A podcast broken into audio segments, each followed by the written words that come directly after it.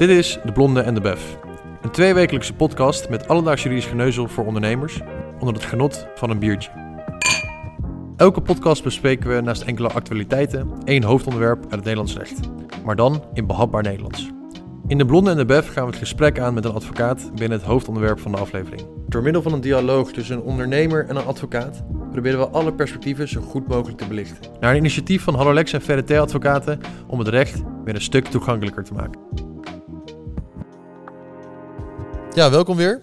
Dankjewel uh, Wouter dat je er weer bent. Graag gedaan. Um, na de eerste twee procedures wil ik het ook nog eventjes met je gaan hebben over de vervolgstappen die we daarin hebben. Vooruit. Mijn uh, naam is Bas van der Werf, ik ben van Hallolex en ik zit hier zoals gezegd samen met Wouter vandaag. Ja, ik ben Wouter van Veldhuizen. Ik ben advocaat bij VDT Advocaten. Ik procedeer veel, dus ik kan je daar wel wat over vertellen, Bas. Nou, dat hoop ik.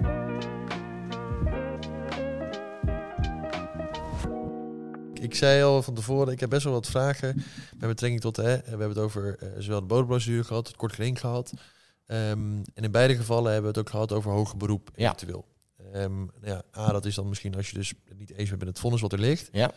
Um, nou ja, hoger beroep is één van de mogelijkheden. En dan wordt volgens mij opnieuw alles afgewogen, toch? Ja, nou, het, het systeem van procederen werkt in Nederland een beetje op grote lijnen als volgt wat voor procedure je ook voert, of dat nou een bestuursrechtelijke procedure is of een procedure tussen bedrijven. Het idee is dat als je het niet eens bent met het oordeel van de rechter, je een herkansing hebt.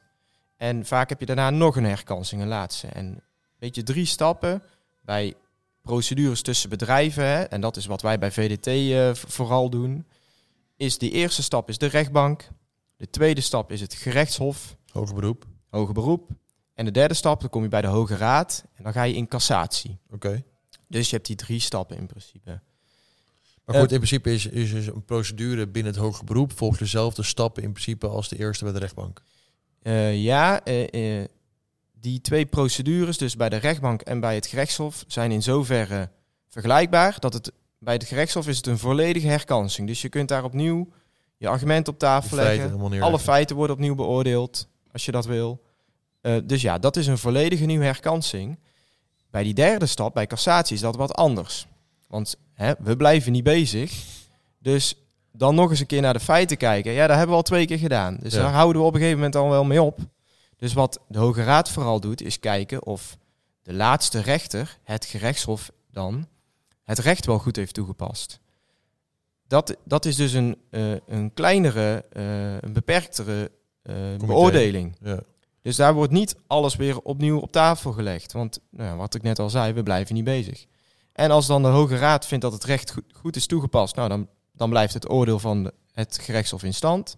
En als je dan toch vindt, je bent echt ontzettend koppig. En je zegt, ja, en toch vind ik dat ook, ook die Hoge Raad zegt, ja, blijkbaar is het recht goed toegepast, maar je bent het alsnog niet eens met het vonnis. Ja, dan heb je op een gegeven moment pech. Het houdt een keer op. Ja, precies. En dat is op zich ook wel logisch. Want anders zou je zeg maar 80 jaar over iets kunnen procederen en nooit nooit een oplossing, ja, nooit een beslissing überhaupt natuurlijk het starten van een procedure of naar de rechter gaan, is om tot een besluit te komen.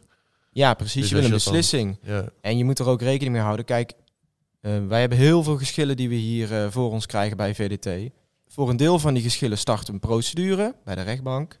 Voor een klein deel van die procedures gaan we in hoger beroep. Dat is nog een kleiner deel. Mhm.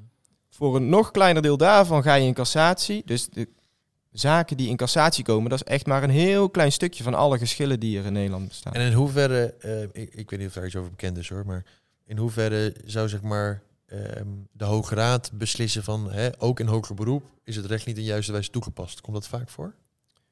Nou ja, hoe vaak dat voorkomt, dat weet ik zo niet. Um, maar wat je wel eens ziet, is dat de Hoge Raad kan, stel dat de Hoge Raad tot het orde komt, joh, Hof, je hebt het niet goed gedaan.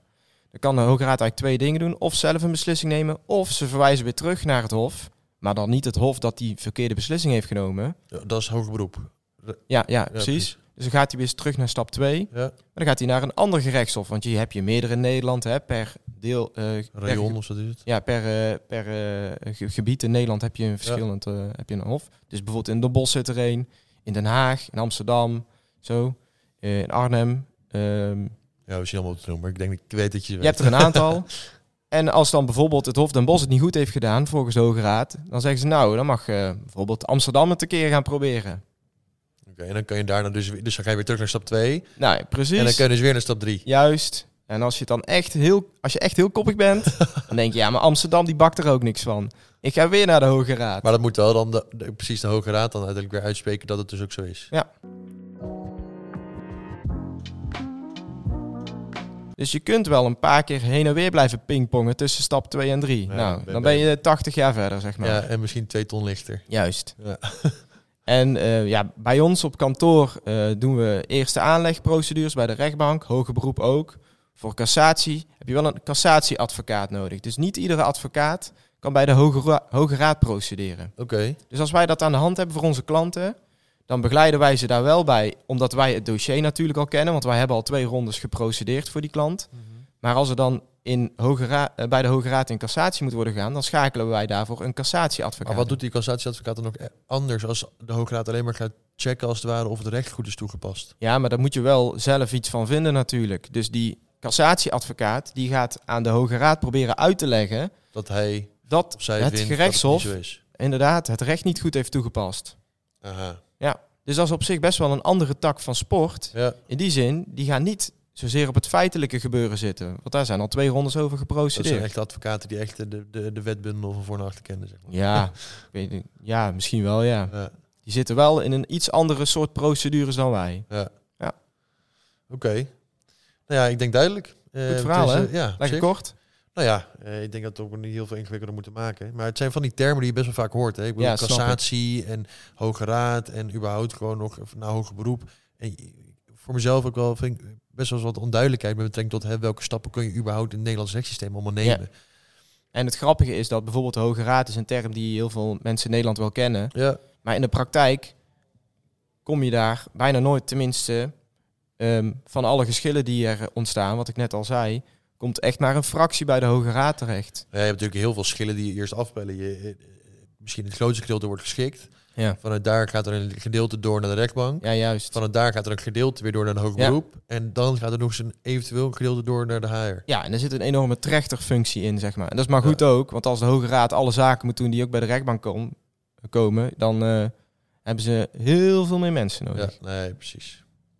Oké, nou duidelijk. Ik, het is voor mij in ieder geval wel duidelijker. Ik hoop eh, voor alle luisteraars ook. Eh, mochten er nog vragen zijn, dan eh, horen we dat uiteraard graag. Top. Maar thanks in ieder geval voor al je antwoorden, Wouter. En uh, hopelijk tot de volgende keer. Graag gedaan.